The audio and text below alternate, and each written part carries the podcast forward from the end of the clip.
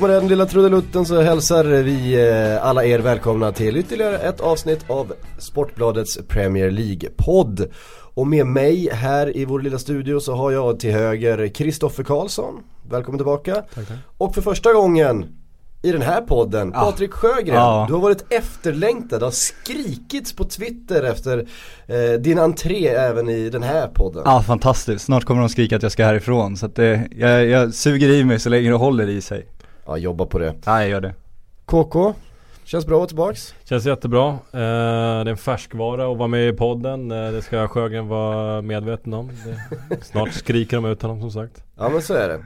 Eh, Känner mig som Niklas Bentner här, jag vet inte Man får, får en liten chans nu, man får skit direkt, eh, fan det, det finns många träffpunkter mellan dig och Niklas Bentner men det ja, ska Vi vi, är inte ganska gå in lika på. på många sätt Det ska vi inte gå in Vi på. flyr pizzanoter För ehm, det är ju nämligen så här att Sir Alex, Ferg- Sir Alex Ferguson har skrivit en bok. Eh, det har alla vetat om rätt länge, det är inte ens första boken han, han skriver, han har skrivit ett par sina självbiografier. Eh, men nu bjuder han ju verkligen på godis. Och det har ju då läckt, kan vi väl kalla det, tid, de brittiska tabloiderna i första hand, eller ja, alla tidningar har väl fått utdrag ur den här boken. Det verkar inte som någon har läst hela än. Eh, utan det verkar vara väldigt sådär cyniskt utplacerade rubriker och små avsnitt. Hur mycket har ni läst av det som eh, har kommit ut?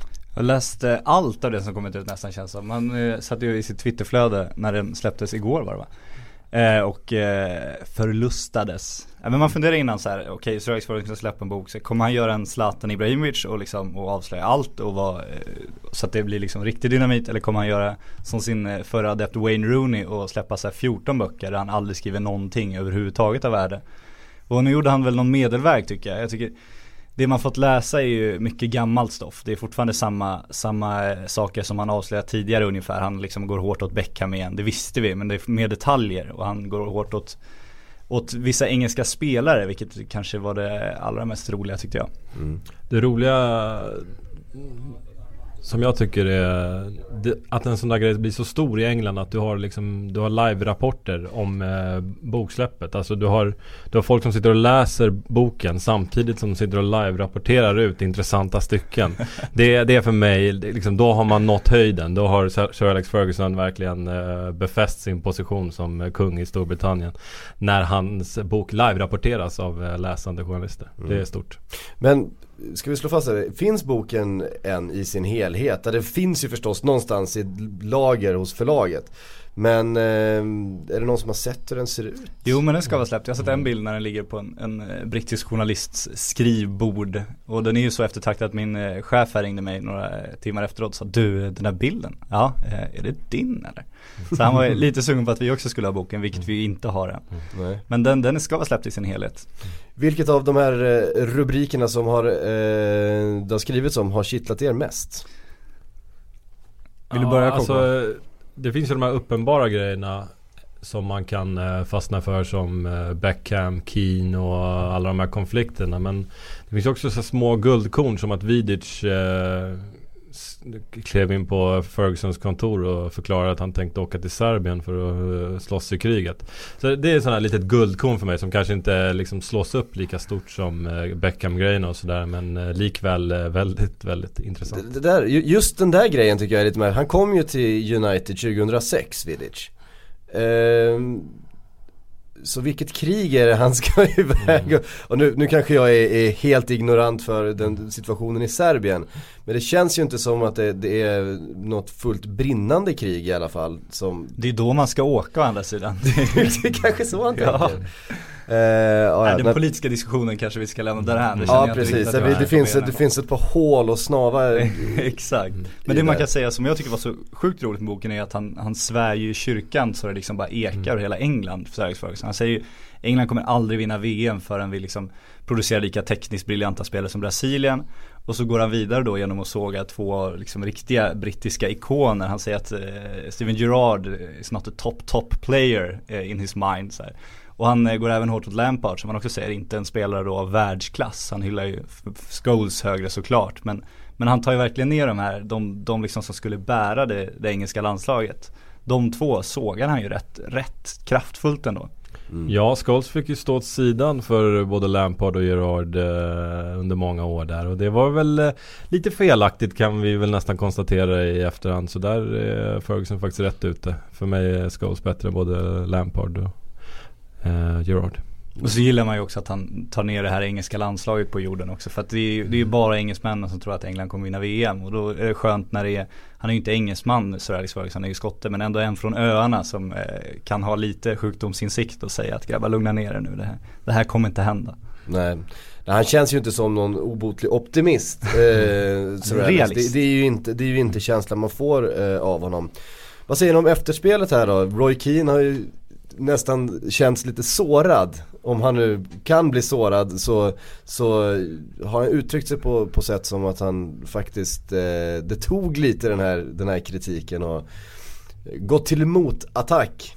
Ja men jag förstår honom för, alltså jag tycker det är skillnad på Soralis kritik också. Zlatan, Zlatan var ju det var hans tydliga personliga åsikt och han är liksom en spelare. Han har inget ansvar för det där. Sir Alex Ferguson var ju den som hade ansvar för laget. Han var mm. den som valde vilka spelare han ville ha. Han tog in spelarna och sen fick han spelarna och liksom göra honom tjänster, de vann titlar åt honom och så vidare. Mm. Och så går han ut nu och förmodligen för att få lite mer pengar och lite mer publicitet och, och liksom och säga att Roy Keane var hans värsta vapen var hans tunga och det mm. känns lite onödigt när Roy Keane liksom var den, den kulturbäraren som liksom gjorde Sir Alex Fergusons lag så framgångsrikt. Jag tycker att det är lite kniv i ryggen här. Mm. Apropå alla de här spelarna som har fått lämna då på grund av att de har gått emot Ferguson. Såg en intressant intervju eh, där han faktiskt blev pressad för första gången tror jag någonsin på riktigt av eh, Jon Snow. Eh, som var inne på det här att, han, eh, att hans kontrollbehov är eh, lite stalinistiskt. Eh, och eh, där, där, var Ferguson märkbart pressad och då var han inne på det här att eh, man måste ha kontroll. Kontroll är det viktigaste eh, om man vill vara klar, kvar i klubben han, han duckade frågan huruvida det är bra för klubben att han är sånt kontrollfreak. Eh, och betonade att det var bäst för honom att vara ett kontrollfreak och det är därför han har varit kvar så länge. Man kan ju nästan känna igen de här ten tendenserna. Han beskriver situationer när någon på något sätt växer ifrån de andra.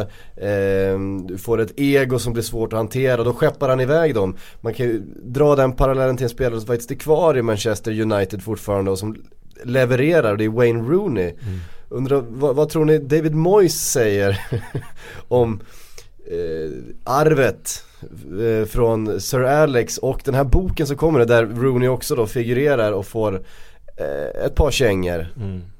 Ja, eh, Wayne Rooney eh, är eh, David Moyes viktigaste spelare just nu och det är väl knappast positivt för Moyes att Ferguson ser ut att göra sitt bästa för att förstöra det, det, det lilla hopp han har just nu, Moyes.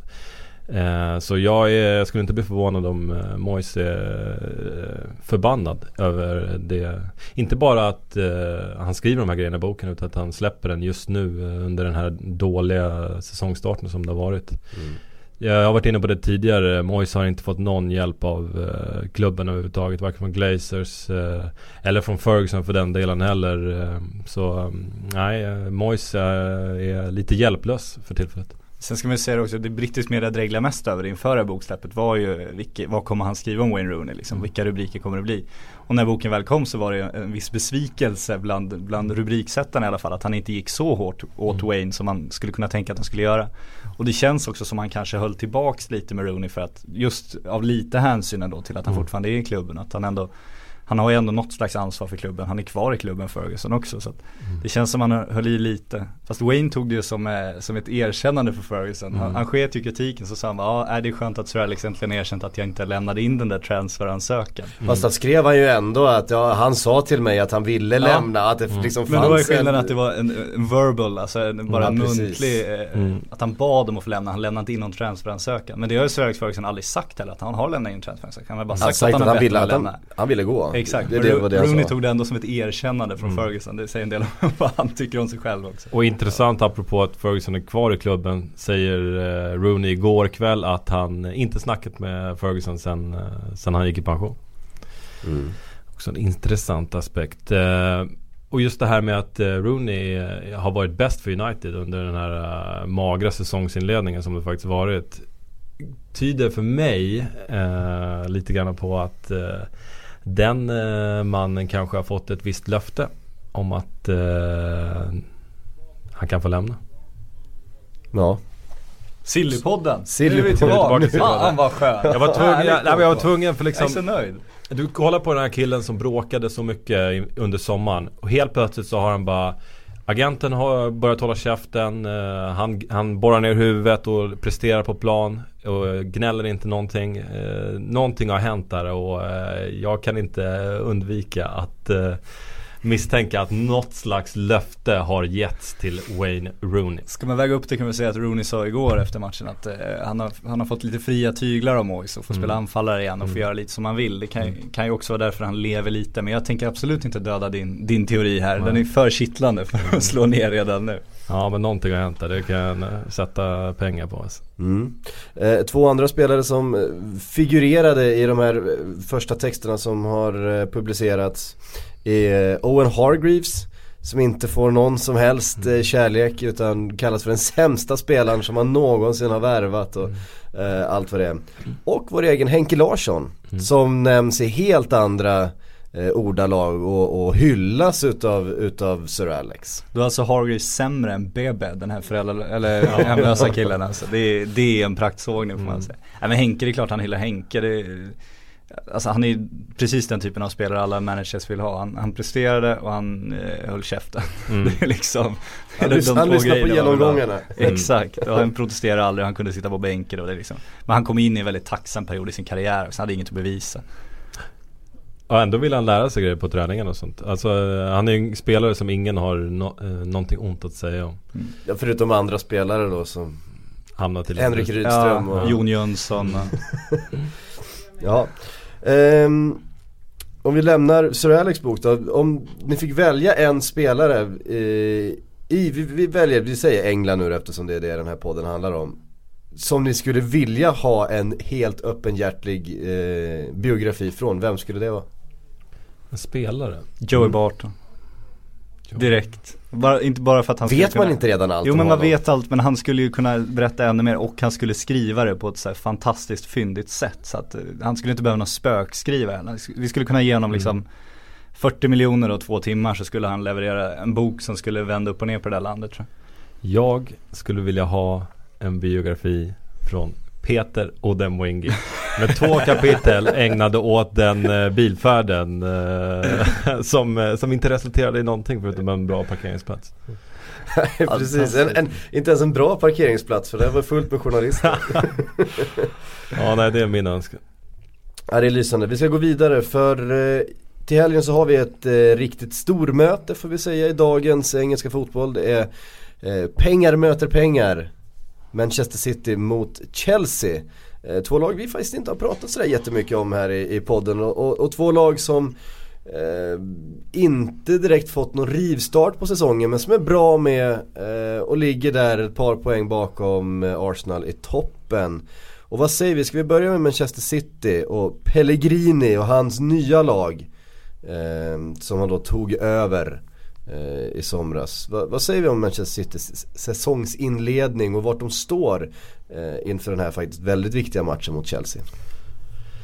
Som sagt det är många nya spelare och det tar ju en viss tid för allting att sätta sig. Men eh, om du kollar på Alvaro Negredo tillsammans med Kun Agüero så ehm, Negredo har ju börjat bra, han har börjat bra. Men jag tror att på sikt så kan Negredo och Agüero bli Premier Leagues mest fruktade anfallspar. Eh, blickar fram ett år så tror jag definitivt att de, är, de två är de som sätter mest skräck i de övriga Premier League-motståndarna.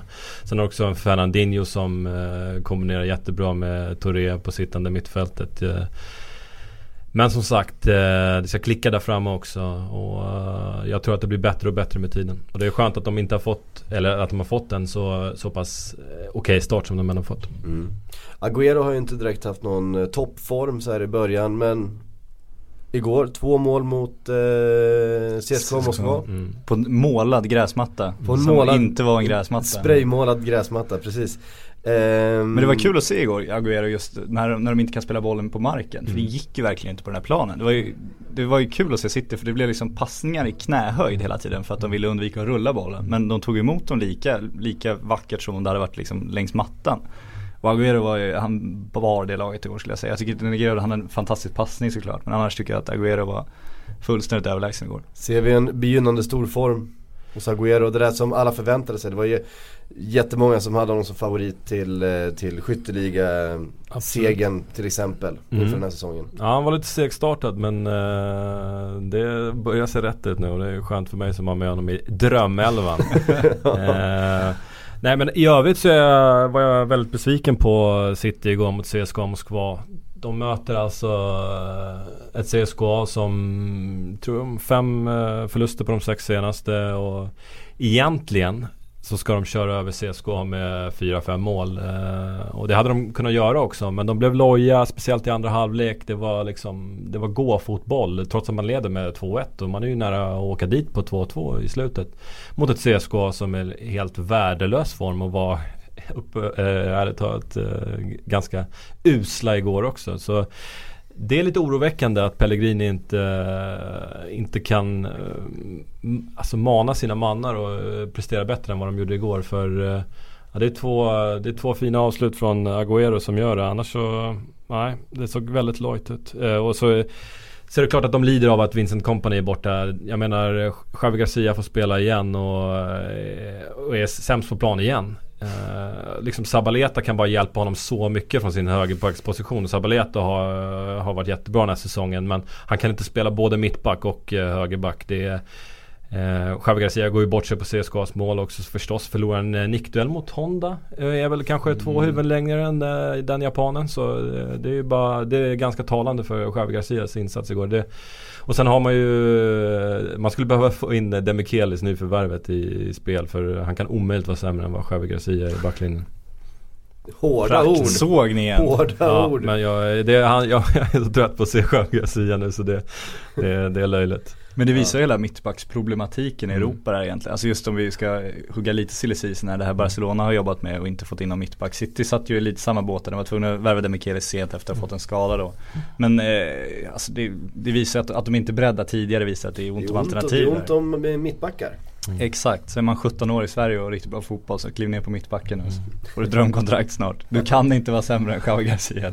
Nej, fan, nej, vår svenska mittbackstradition har ju också dött ut lite grann. Ja, det är det är synd, gång. annars hade vi kunnat ha gång. liksom eh, åtta världsklassbackar Ja, ute i Europa. absolut.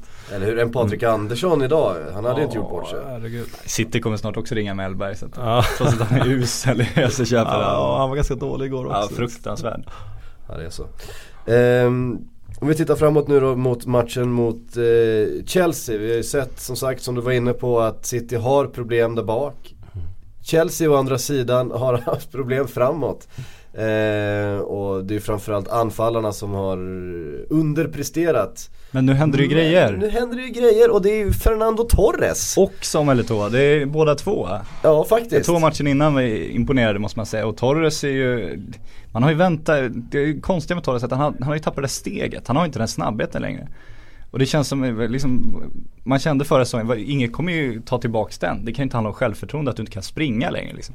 Men någonting har ju hänt nu med Mourinho och det är väl Mourinhos eh, allra största storhet det här att kunna väcka de här gamla björnarna Han är otroligt bra med lite äldre spelare och och sådana eh, riktiga gamla profiler som kanske har somnat in lite som man ruskar liv i igen. Han har gjort precis det med Torres så det börjar ju hända saker. Det märks ju nu att han har fått självförtroende igen. För han missar ju inte de här öppna målen han hade en tendens att göra här om året som Karim Benzema har tagit över nu.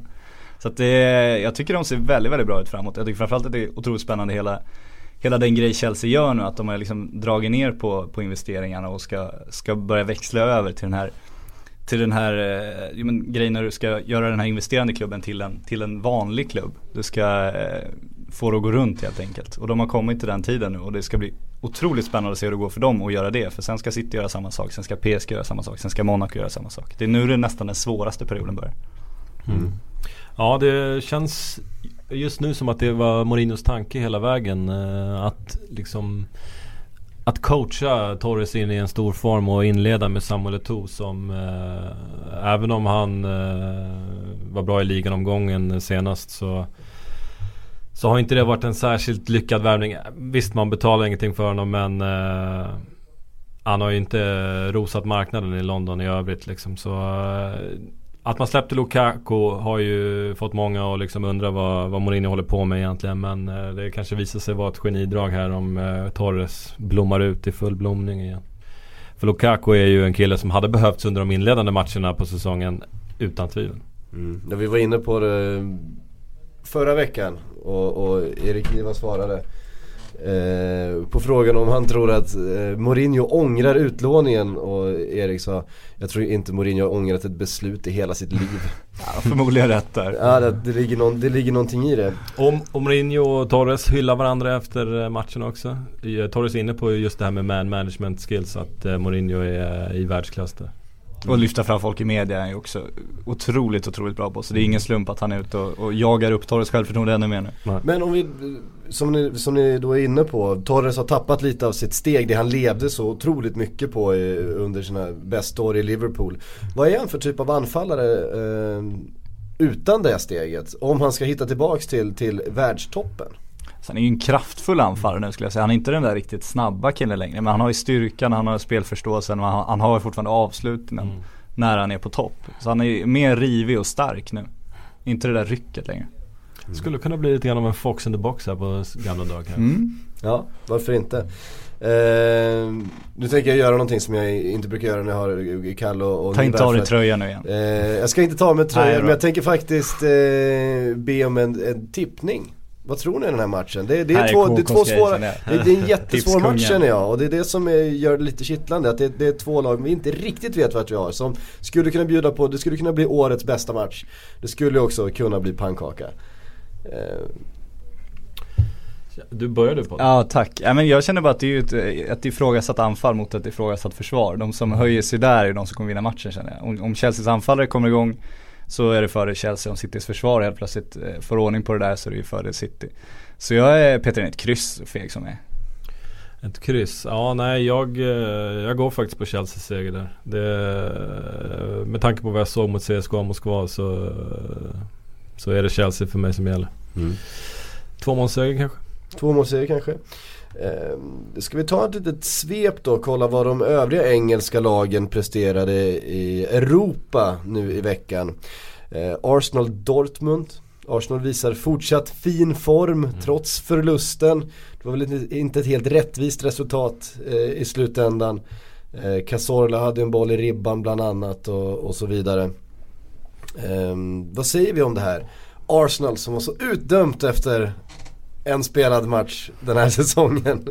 Eh, som toppar, toppar eh, ligan och bjuder på Trots att det blev förlust då, med en, en riktigt fin eh, present, prestation mot eh, finalisten, fjolårsfinalisten Dortmund. Så det, det är där det blir lite oroande nu. För det, det som har hänt med Arsenal år känns som att de, de spelar inte bara fin fotboll utan de vinner också. Mm. Och den här Dortmund är lite, lite flashbacks ändå. För de har ju många år varit det där laget som har spelat otroligt, otroligt bra fotboll. Men sen har de inte lyckats vinna matcherna ändå. Och, eh, man får vara mer imponerad av Dortmund som lyckas spela lite sämre fotboll än Arsenal och ta hem det där på bortaplan. Det är fantastiskt bra gjort. Men det är ju svårt att jag skulle absolut inte kritisera Arsenal just nu för de, de är helt otroliga så länge Mesut Özil är eh, skadefri. Så är det. Och eh, visst var de bättre än Dortmund eh, i förrgår var det mm. Men eh, och de kommer bli ännu bättre när, eh, när de får tillbaka sin kantspel. För du kollar på uppställningen som lirade i tisdags och du har Roshiski och eh, Wilshire som, som yttrar. Det är liksom det är två bollskickliga mittfältare utan speciell fart på kanten och eh, kan du addera kanske en Podolski och en Walcott eh, längs kanterna så, så kommer du få ännu en dimension av det här Arsenal och håller du Giroud frisk och Özil i fortsatt form så eh, herregud, jag vill inte ens tänka på hur bra det kommer eh, se ut under resten av säsongen. Mm. Men det ser ändå ganska tufft ut i den där eh, dödens grupp i, i, i Champions League. För nu ska man till Neapel eh, bland annat eh, och spela fotboll och det är inte helt lätt. Och det, det är en match som nästan kräver en trepoängare. Och man Som ska, det ser ut just nu. Ska framförallt inte tappa eh, tre poäng på hemmaplan någon match om man ska gå vidare från en sån där grupp. Det är det som oroar lite nu. För Neapel bortaplan, den är inte rolig alltså. Jag tycker nästan Dortmund är ju superfavoriter nu i och med att de har båda toppkonkurrenterna hemma. Arsenal däremot Eh, alltså de har ju den mest prekära situationen. De är ju, de är ju outsider till de två topplatserna nu. De måste slå Napoli borta och, eller skrälla mot Dortmund borta. Eh, vilket jag ser som betydligt svårare. Kollar du på uh, matchen mellan Arsenal och Napoli på Emirates i Champions League i år. Då, uh, då är det klart att Arsenal var mycket bättre men uh, helt annan sak att komma till uh, Napoli. Vilket Dortmund förstås fick uppleva i första omgången. Dortmund åkte dit och fick stryk. Så svår, svår uppgift att ta sig vidare från den gruppen. Uh, trots att det sett så bra ut på plan. Ska man välja två arenor man inte vill åka till i Europa så är det de två. Så att de sitter inte, mm. ingen drömsits. Mm. Manchester United spelade mot Real Sociedad. Eh, var, var det någon av er som såg den matchen? Jag såg delar av den och nu när vi hyllat Wayne Rooney så mycket tycker jag att vi, det är läge att faktiskt såga Wayne Rooney lite också. Han var ju klart bäst i matchen för Manchester United, han var riktigt, riktigt bra. Men han bränner i alla fall tre riktigt, riktigt stora lägen. Vilket ju eh, inte är bra, det är lite olikt Wayne Rooney också. Mm. Så där ska han faktiskt ha kritik. Han är med och skapar lägen absolut men han ska ha gjort minst ett mål till den här matchen. Minst. Det som jag tycker har varit Wayne Rooneys styrka är under väldigt många år är hans låga felprocent faktiskt. Att mm. Får han läget så sitter den. Mm. Han slår väldigt sällan bort eh, några passningar. Men det såg man ju faktiskt mot eh, Southampton nu senast. Eh, och det fina pressspel som de faktiskt eh, visade upp. Eh, att även Wayne, Wayne Rooney stod och drällde med bollen vid, vid tillfällen och det är man ju inte van vid att se faktiskt. Nej, och nu krävdes det ju ett självmål för att United skulle ta eh, samtliga tre poäng igår. Eh, så men eh, på det stora hela så var ju United klasser bättre än Sociedad och det ska man ju vara också. Det, det är ju en utkristalliserad jumbo i den gruppen som också haft svårt i ligaspelet. Lider väldigt mycket av att man blev av med Jeramendi till Real Madrid i somras. Ehm, och eh, ja just det, Kagawa spelade igår och gjorde det jättebra. Alltså både ute på vänster i eh, vänsterkanten i första halvlek men ännu mer när han fick kliva in eh, centralt i banan eh, när eh, Chicharito gick av. Eh, det är ju hans position också. Eh, men där har han ju konkurrensen från Rooney i vanliga fall. Eh. men Alltså det lovar ju gott. Alltså där har man kapital men det, det går ju inte att få in honom i en, i en startelva om Rooney ska spela. Så Prekärt läge där också. Ska Rooney spela då? Om du har Kagawa som, som bevisligen är så bra centralt och Rooney som är, är bra men han är inte, jag tycker inte han är i den topp, topp form han, han varit i. Som Sir skulle säga, he's not a top, top player at the moment.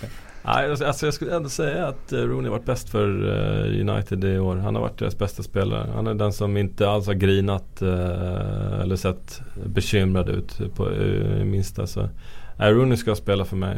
och då får Kagawa hålla till på vänsterkanten om han har tur. Mm. Så är det med det. Vi ska prata lite grann om eh, supportrar nu faktiskt. Det var ett ämne som eh, Patrik här Redan när vi pratades vid för några veckor sedan ja, så här, jag, jag för, för. försökte, försökte eh, fiska lite ämnen och vad skulle du vilja prata om. Då, det, det här är mitt, det här, nu vill jag prata supportrar, eh, sånger, läktare Varsågod Patrik, Tack. take it away. Även eh, bakgrunden var ju att Manchester United annonserade ju då att de skulle ha en, en sjungande sektion på Old Trafford vilket eh, de skulle ha som test. Just i gårdagens match blev det av dem. Eh, för att stämningen helt enkelt har dött på Old Trafford. Och det är ju inte, det är ju inte bara i Manchester det, det är det problemet. Vi såg, eh, om man kollar på Arsenals match i helgen så var det helt plötsligt väldigt ljudfyllt på läktarna och kul liksom en stor bortaklack. Men då har ju de åkt från Tyskland istället för för om de hade mött ett engelskt lag hade vi aldrig sett den bortaklacken. Så jag tycker att det är oroande att se Premier League att dels bortasupportrarna ser ut att ha försvunnit helt och nu är även hemmasupportrarna på väg att försvinna. Det är, det är folk som, som eh, förmodligen inte bor i den staden som går på matchen och det blir tystare och tystare på engelska arenorna. Mm. Mm. Ja det är en tragisk utveckling. Eh, biljetterna blir dyrare och det blir mer och mer turister. Eh, folk som när det blir mål, istället för att jubla, står och fotograferar med mobilkameror. Eh, det, det finns ingenting som gör mig mer ledsen än när jag ser en stillbild från ett målfirande. Och så framför målskytten så står liksom 80% av läktaren och bara filmar vad som händer. Mm. Och då tänker jag spontant så här, det är ingen som bryr sig om din jävla iPhone-film imorgon. Stoppa ner din jävla kamera i fickan och jubla lite grann. Det sitter ju inte så att det sitter 8000 fotografer runt och tar samma bilder som du Herregud. kanske kan ta del av Din sen. koniga jävla kamera alltså.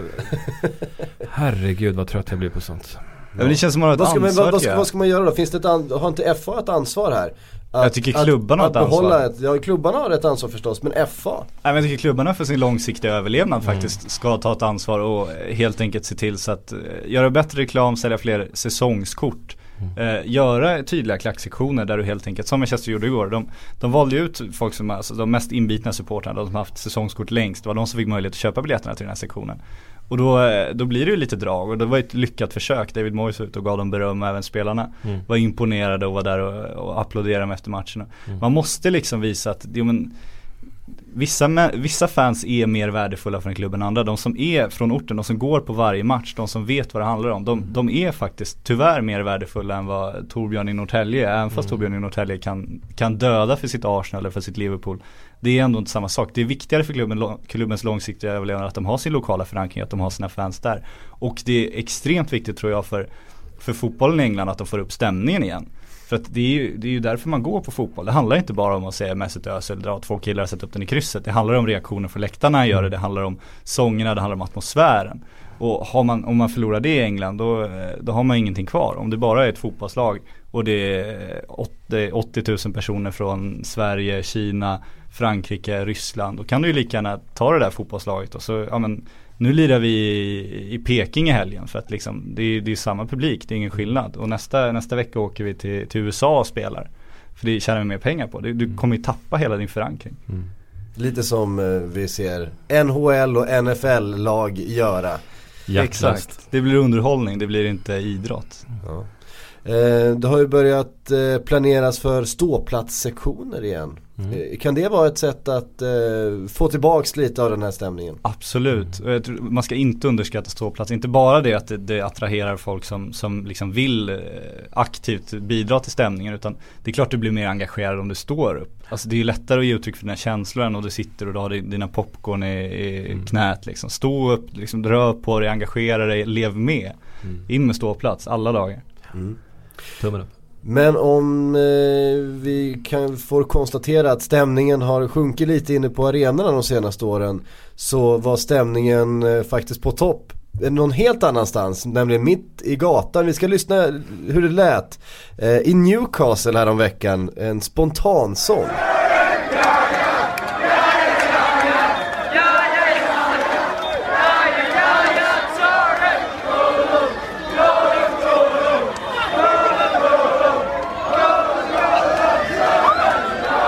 Men det där var alltså eh, studenter i Newcastle som stämde upp i hyllningssången till bröderna Touré, Jaja och Kolo. Det är en bra sak. Det är en jättebra väldigt sång. bra sång. vad, säger ni om, vad säger ni om det här det är YouTube-klippet som det handlar om? Det, de, har ju inte, de fick ju tag på någon kille som påstår sig ligga bakom det där och han hade gjort ut med sina polare. Så eh, gick de ut på gatan där och hans, eh, så började de sjunga den där City-sången för att de tycker att det är en bra sång liksom. Och så hängde folk på och så kom det ut folk från pubban och slut stod alla där på gatan och bara eh, hoppa och körde den där sången. Det är ju en fantastisk sång. Mm. Och taxichaufförer som var upprörda för de tog sig inte igenom stan, de, stod, de, de var fast bakom den här mobben av, av, av, av galna ungdomar som Exakt. hyllade bröderna Touré. Ja, de är ju, det ska man ge engelsmännen, de är väldigt fyndiga. En av mina favoriter är Simon Minolets egen sång i uh, Hakuna Matata-stil är det va? Vi kan lyssna på det.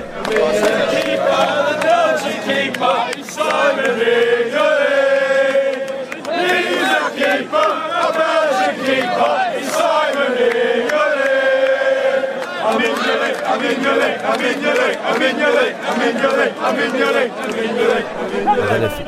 Den är vacker. Vi har faktiskt bett er eh, förbereda er lite grann eh, och välja ut topp tre chants från eh, den engelska fotbollen. Eh, jag vet, ni fick inte jättelång tid på er att och, och och gräv, och gräva i arkiven men det, jag är ändå väldigt nyfiken på vad ni har hittat. Ja, alltså jag, jag hade väl en eh, fem minuter på mig men det, en som direkt kommer till mig är eh, Uniteds nya Moise-ramsa. Eh, den här eh, Come on Fergie, nej vänta, Come on David Moyes, Play like Fergies boys. Den, den tycker jag är supervass. Den kan vi också lyssna på.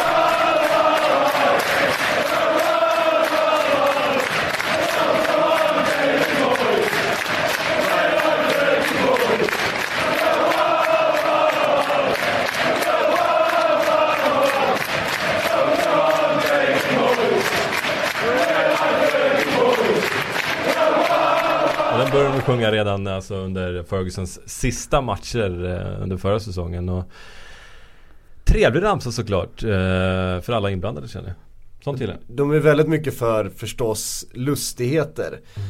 Eh, det, är, det är ganska lite sassa brassa mandelmassa. Mm. Eh, andra sidan är ni klara. Andra sidan är ni klara. Utan det, det, det är ganska, ganska långa sånger mm. och, och, väldigt fyndiga texter. Ja, men jag tycker det bästa är, jag har vägrat plocka ut topp tre här. För jag tycker kort och gott att de bästa sångerna är de som liksom föds på den matchdagen. Mm. Det är mm. Jack Wilshere, He Smokes When He Wants. Mm. Det är David Moyes, Are You Watching från Everton-fansen. Mm. Det är de här, liksom, de är ju fruktansvärt fyndiga och det är så häftigt att liksom, en liten grupp supportrar kan liksom lära hela arenan, man ser hur det växer, hela arenan förstår vad det är de sjunger och bara men det här är kul, så hänger på och så bara blir det större och större och till slut så har alla lärt sig den sången liksom på, på två minuter. Det är det som är det stora med England, det är ja. där de är lite unika tycker jag.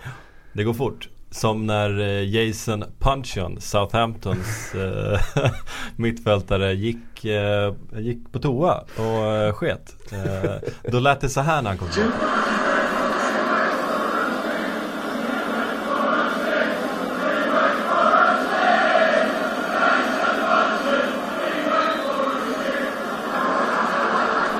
Där kan vi snacka fyndigt, det är snabbt. Det är Det är ju en klassiker. um, det vi men det är sköna där du alla hakar på, det är det som är så fantastiskt. Det går så fort. Ja, direkt. Ja, och har ni några speciella ramsor som eh, ni vill lyfta fram? Skicka gärna ett tips på Twitter på eh, Sportbladets PLP, hashtaggen där så eh, ska vi lyssna på dem och kan väl plocka med i ett avsnitt längre fram är några utav de roligaste. För det handlar det är ju väldigt mycket humor eh, mm. rakt av. Jag kommer mm. ihåg eh, när Fernando Torres, som ju hade en väldigt känd The Torres Bounce, en väldigt känd eh, sång då i Liverpool när han gick till, till Chelsea. Den ska vi inte spela här nu, vad, hur, hur den skrevs om för de Chelsea-supportrarna skrev ju om den lite grann då och gjorde den här sången till sin men då när klubbarna möttes så hade du också Liverpool-supportrarna eh, Bland annat I hope John Terry shags your wife och eh, Lite, lite sådana saker. Och, och, de är väldigt snabba och där står ju ändå hundratals människor och kan den här utan till och, och är med på när, när vad händer och de är väldigt om de inte har så mycket tifon så är de väldigt koreograferade i, eh, och koordinerade i, i sina sånger. Och sen är det roliga också, de gör inte de här sångerna med, med ett långfinger mot spelarna utan de gör det ofta, även fast det är ganska grova sånger ofta, så är det ändå med ett leende. Det finns ändå en, en slags hjärtlig kärlek bakom det hela, om än en hatkärlek många gånger. Så att det är inte, det är inte så typiska hatramser, liksom du ska dö, hata, hata, utan det är, det är fyndiga hån liksom och det, jag älskar det. Mm. Eh, och när vi ändå, ändå, är inne på supportrar så måste vi ändå ta upp det här eh, tråkiga som hände i matchen mellan Aston Villa och Tottenham när en spelare, när, när en supporter kastar in en vad ska man kalla den? Rökbomb. Rök, rökbomb och eh, träffar linjedomaren i nacken. Eh, är det här någonting som, som för det här, engelsk fotboll i alla fall, eh, Premier League-fotboll har ju varit väldigt förskonad från incidenter från läktaren. Den har ju varit väldigt, väldigt hårt eh, hållen. Det är kameror överallt, det är mm. långa straff mm. och så vidare. Se, är det här, var det här liksom en, en enskild eh, incident bara eller ser vi någon sorts förskjutning? För att vi har ju faktiskt sett de här rökbomberna vid ett antal tillfällen den här säsongen. Vi har också sett någon, något försök till pyroteknik. Eh, vi har vid någon Premier League-match också. Det såg man ju aldrig överhuvudtaget för ett par år sedan. Alltså jag tycker bara det här, det här var en ren uppvisning i hur det ska gå till tycker jag. För, alltså regeringen satt i Sverige i en, sammanträde igår tror jag att det var och hade representanter. Nu, trodde, nu, nu, trodde jag, nu trodde jag på fullaste allvar att du menade supporten först ja, nej, nej, nej, nej, nej, inte support. nej. Men regeringen i Sverige satt, satt igår och hade en sån här eh, avlyssning liksom med, med olika representanter för olika supportergrupper och polisen och så här. För att komma fram till hur vi ska stävja läktarproblemen i Sverige. Och då satt de sex timmar där och det kom, eh, jag tror att det var Fotboll Direkt som intervjuade vår, vår minister där efteråt. Så här, vad tar du med dig från det här? Och då sa han, ja men jag tycker det mest intressanta var det här att, att spelarna behöver ju inte tacka fansen efter matcherna när fansen till exempel har bränt bengaler. Det är ju bra om spelarna också visar att det inte är okej. Okay. Alltså, efter sex timmars genomgång, det är det hon tror ska lösa läktarproblemen i Sverige. Och det tycker jag är sjukt skrämmande. Och då ser man istället England, en assisterande domare får, får en rökbomb i ryggen. Han har liksom all rätt i världen att vara livrädd efter det. För att det är klart det, det måste vara en otroligt obehaglig upplevelse. Mm. Men vad gör han? Jo, han reser sig upp, han pratar med huvuddomaren och säger ja det är lugnt, vi kör. Han kör på, matchen fortsätter. Samtidigt står polisen nedanför läktaren. De pekar, de kollar, de går upp, de frågar, de får hjälp på läktaren av andra människor som sett vad som har hänt. De tar in två personer, de arresterar dem och tar bort dem från arenan. Mm. Matchen fortsätter. Det är ingen sportslig påverkan överhuvudtaget. De här två människorna får en, ett kännbart straff för det de gjort. Kommer aldrig gå på Tottenham-matcher igen. Har Tottenham meddelat. Nej, så är det Och i England så, så har du medel för att se till så att de inte kommer in då heller. Mm. Det har vi inte i Sverige. Mm. Så de visar precis hur det ska gå till samtidigt som vi i Sverige sitter och Istället för att hon ministern satt och lyssnade på det här sex timmar och inte tog med sig ett skit så tycker jag fan vi ska skicka den där videon till henne och bara så här, lös det. Vi kan skicka, vi kan skicka podden. Det kan vi göra också. På, på ett kassett. Vi spelar in den på en kassett och så skickar vi den till regeringskansliet. Så ser vi till att Beatrice Ask får mm. ta del av den. Eh, vi plockar upp en, eh, läs, eh, en lyssnarfråga här. Lisa Wallström, en trogen PLP-lyssnare, tar upp just det här med rökbomben i ryggen på domaren. Hur ser läktarkulturen ut i Premier League idag frågar hon. Är det bråket och vilket lag har värst fans? Um, är det någon i, i Premier League, kan man prata om bråkiga läktare överhuvudtaget? Eller det, det, är väl enskilda incidenter egentligen som det rör sig om när det är problem? Ibland brakar det ju loss. Eh, och då kan det braka loss ordentligt. Då är, det, då är det folk som stormar plan och det är polishästar och det är, det är lite vilda västern. Eh, men på det stora hela så fick ju Margaret Thatcher på gott och ont igenom eh, mycket mycket, mycket eh, tuffa regler mot eh, för att stävja sånt här. Så det, det syns inte på läktaren i, idag längre i, i, den grad som det gjorde en gång i tiden. Eh, utan i, idag så slåss man utanför på bestämda platser. Mm. Ehm, men som sagt, eh, vi hade ju en incident uppe i eh, Sunderland var det väl förra, förra säsongen. Eh, derbyt där uppe där de rök ihop och en, en berusad supporter gav sig på en häst. det var en av de... Ja just det, det är sånt där som kan hända utanför fortfarande idag i England. Ja. Men ja, han, han slog hästen på halsen vill jag minnas. Ja, han, han, han försökte Modig man. Ja.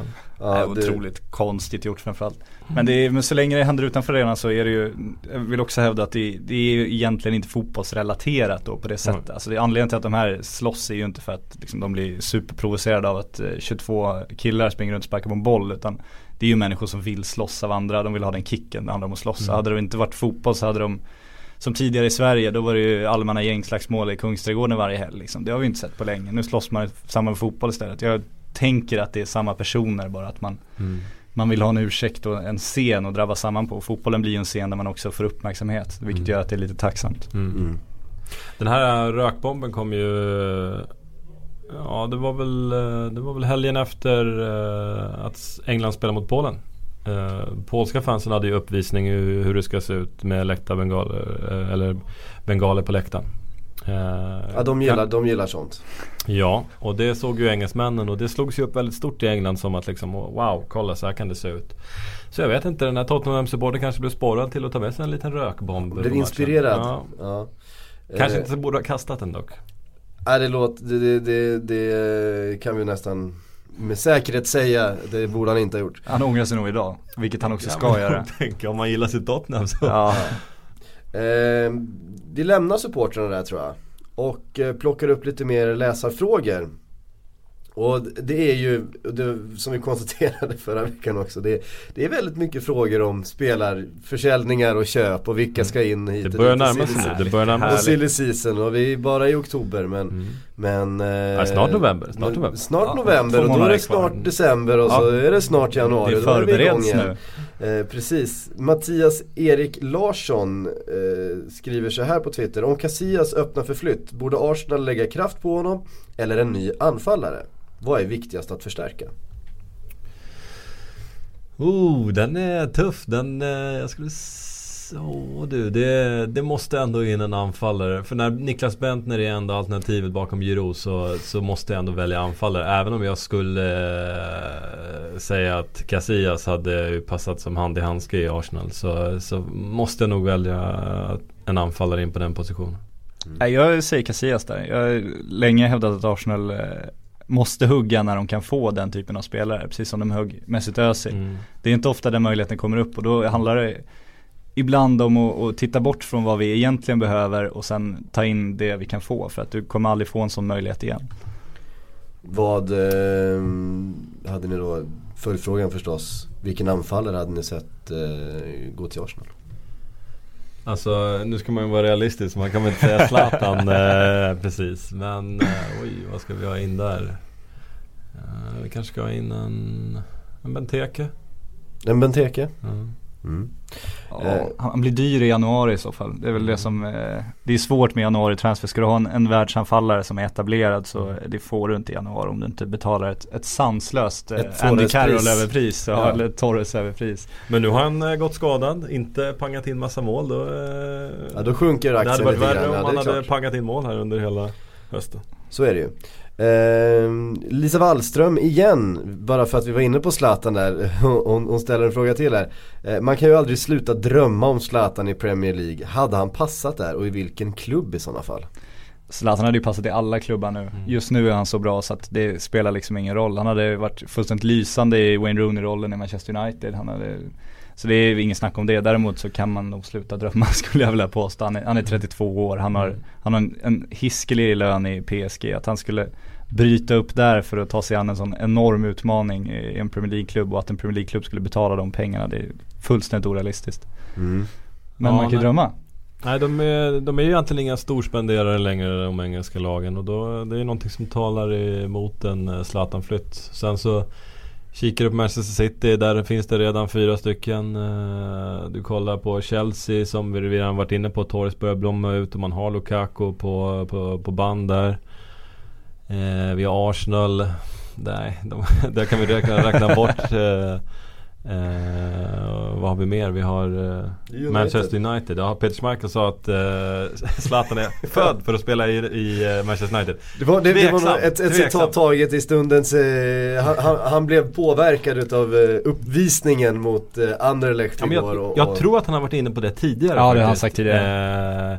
Eh, och det, eh, där är han ju lite galen dansken. Eh, Han är ju speciellt, han är ju lite galen. Ferguson är ju knappast Zlatan en spelare som är född att spela under. Det tror jag inte. Nej men han var inne på det, vi pratade med honom när han var eh, fotbollsgalan i Mm. Globen där, Peter Mm. Schmeichel. Då, eh, det är klart vi frågar om Zlatan, det Mm. gör man ju. Han, klart han var sugen. United Mm. skulle vara en bra klubb för Zlatan var han inne på redan då. Så. Mm. Men det är klart han hade, jag tror han hade passat perfekt i det spelsystemet men Mm. han, de behöver ju honom inte. De har ju Wayne Rooney där och det känns ju inte, du byter ju inte bort Rooney mot en 32-årig Zlatan Ibrahimovic. Det. Men en van Persie som eh, börjar visa lite dålig form här va?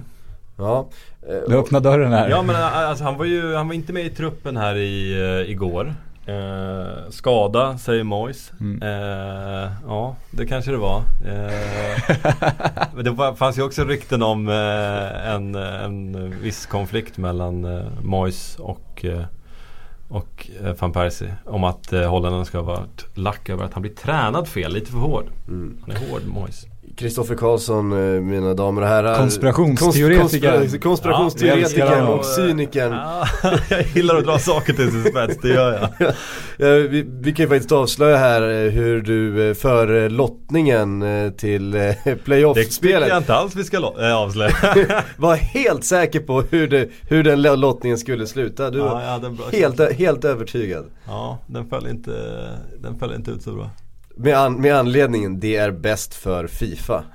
Ah, men det du brukar jobbar med den. Ja, men Ja. det brukar bli så. Det är... Men du tänker fel där tror jag, för det handlar inte om vad som är bäst för Fifa. Det handlar om hur mycket pengar Fifa får av respektive intressent. Det är ju någonstans där det avgörs.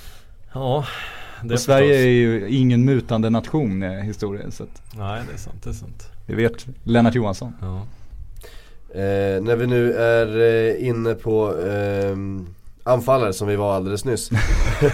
Ja, men Eh, apropå anfallare så måste jag också flika in ett annat eh, van Persie-rykte. Daily Mail skrev att eh, eh, Ferguson var tvungen att be om ursäkt till eh, van Persie för att han, eh, han lämnade. Att, han, Ja, alltså det- att, att van Persie hade fått löftet av eh, Ferguson när han blev värvad att ja, jag, jag är kvar ett tag med dig här liksom.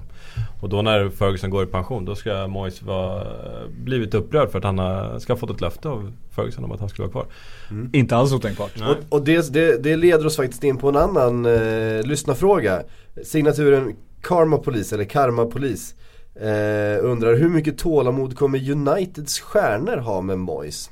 Alltså tvärtom då, vi har pratat en del eh, tidigare om hur lite tålamod Sir Alex hade med stjärnor som drog iväg och tog för stor plats i, i omklädningsrummet.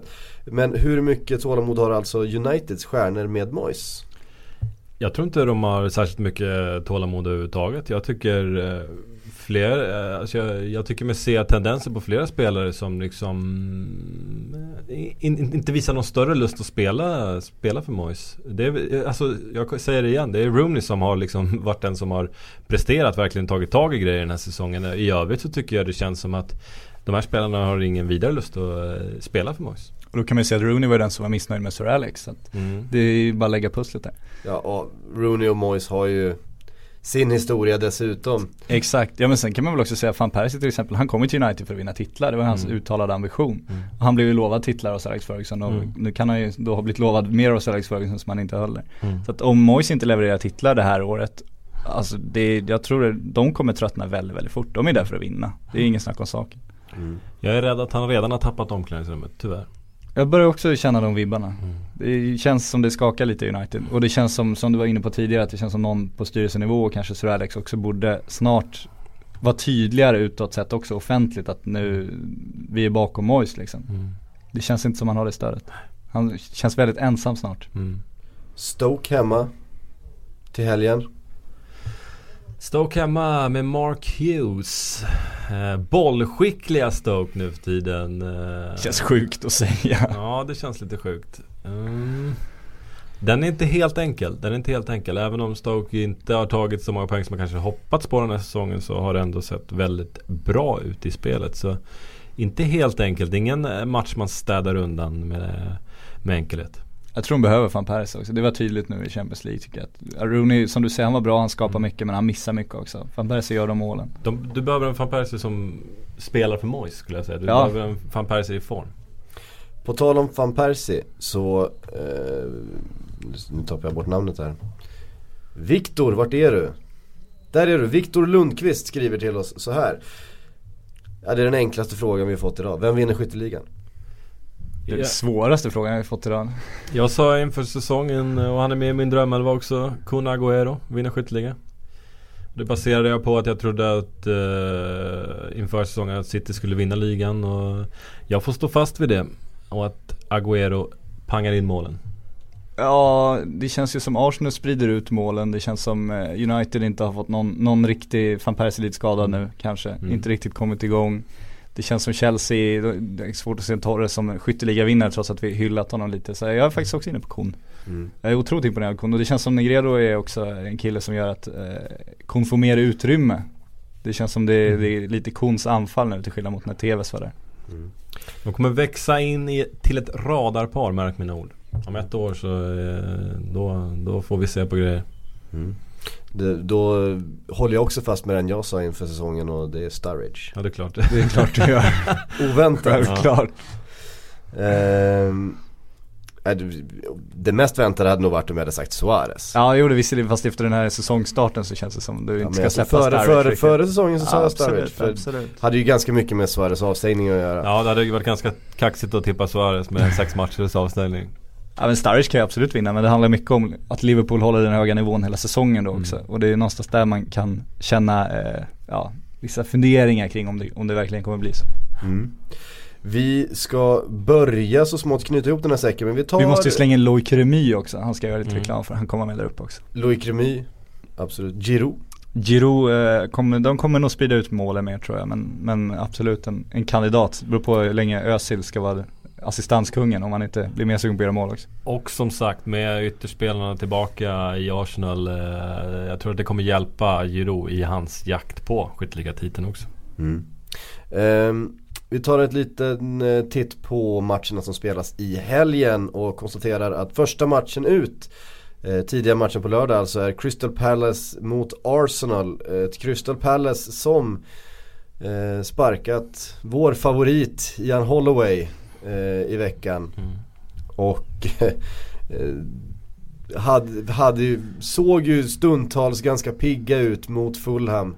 Men åkte på några riktiga drömmål och det, det, knäckte, det, det knäckte dem. Och en, en Holloway som vi varit inne på tidigare inte har mått så bra eh, den här säsongen. tar nu emot ett Arsenal med eh, rejält med vind i seglen. Ja, apropå att förlora omklädningsrum så erkänner ju Holloway också det att det är precis vad han har gjort och att han därför inte kunde fortsätta som tränare för nykomlingen. I... Eh, ja, det borde ju vara en enkel Arsenal-seger men man ska alltid passa sig för de här matcherna när, eh, när ett krisande lag byter tränare. Det brukar kunna ge effekt så... Eh, även om Arsenal är stor favorit i mötet så räknar jag inte bort eh, Crystal Palace. Det hade varit eh, Arsenal hade varit ännu större favoriter om Holloway hade varit kvar över den här matchen, så känner jag. Sen börjar det ju komma den här perioden också när, när topplagen ska utkristallisera sig. Vi ser det blir viktigare Champions League-matcher, vi närmar oss julperioden och det är nu det gäller att verkligen hänga på. För det är nu det kommer börja, börja hackas upp i tabellen. Mm. En annan eh, intressant match förstås på söndag, Sunderland Newcastle uppe i norr. Mm. Det är det derby som ja. de kallar det för även fast det är olika städer så det är fan ingen derby. Ja, apropå Loic Remy. Remy. Precis. Eh, krislaget Sunderland. Men det är ju någonting speciellt när de här två klubbarna möts. Mm. Eh, finns det en liten möjlighet för Sunderland att vända trenden? Om man kan gå in och kriga till sig en poäng mot Newcastle. Så jag tror, ska man, jag tror ändå det. Newcastle är, det är ett studsigt lag. Alltså ja, det är det. många olika spelare där så det är, det är inget riktigt lag heller Newcastle. Det är ett, det är ett stjärnbygge utan stjärnor kan man väl säga. Och eh, Sunderland visar de lite moral där. Om det är någon match de ska göra så är det den här. Så jag tror att de har nog alla chanser. Jag litar aldrig helt på Newcastle. Nej, jag känner spontant att Sunderland är... De kommer sätta många rekord i år och inte på grund av bra insatser utan eh, vi snackar poängrekord för nedflyttade klubbar. Den truppen är eh, Den är för tunn Eh, trots att man har värvade 14 spelare i sommar så är den för tunn. Eh, den är för gammal. Eh, Kevin Ball, eh, interimmanagern, eh, körde ju hårt på att eh, starta de klassiska spelarna och strunta i värvningarna som faktiskt inte har hållit måttet eh, i Premier League. Eh, men de äldre herrarna har också visat att eh, nej, det här håller inte längre. Det ser inte bra ut för Sunderland. Jag tror att de eh, förlorar mot Newcastle. Mm. Ytterligare ett intressant möte eh, fast på lördagen. Aston Villa-Everton. Två, två lag med eh, mycket fotboll i sig.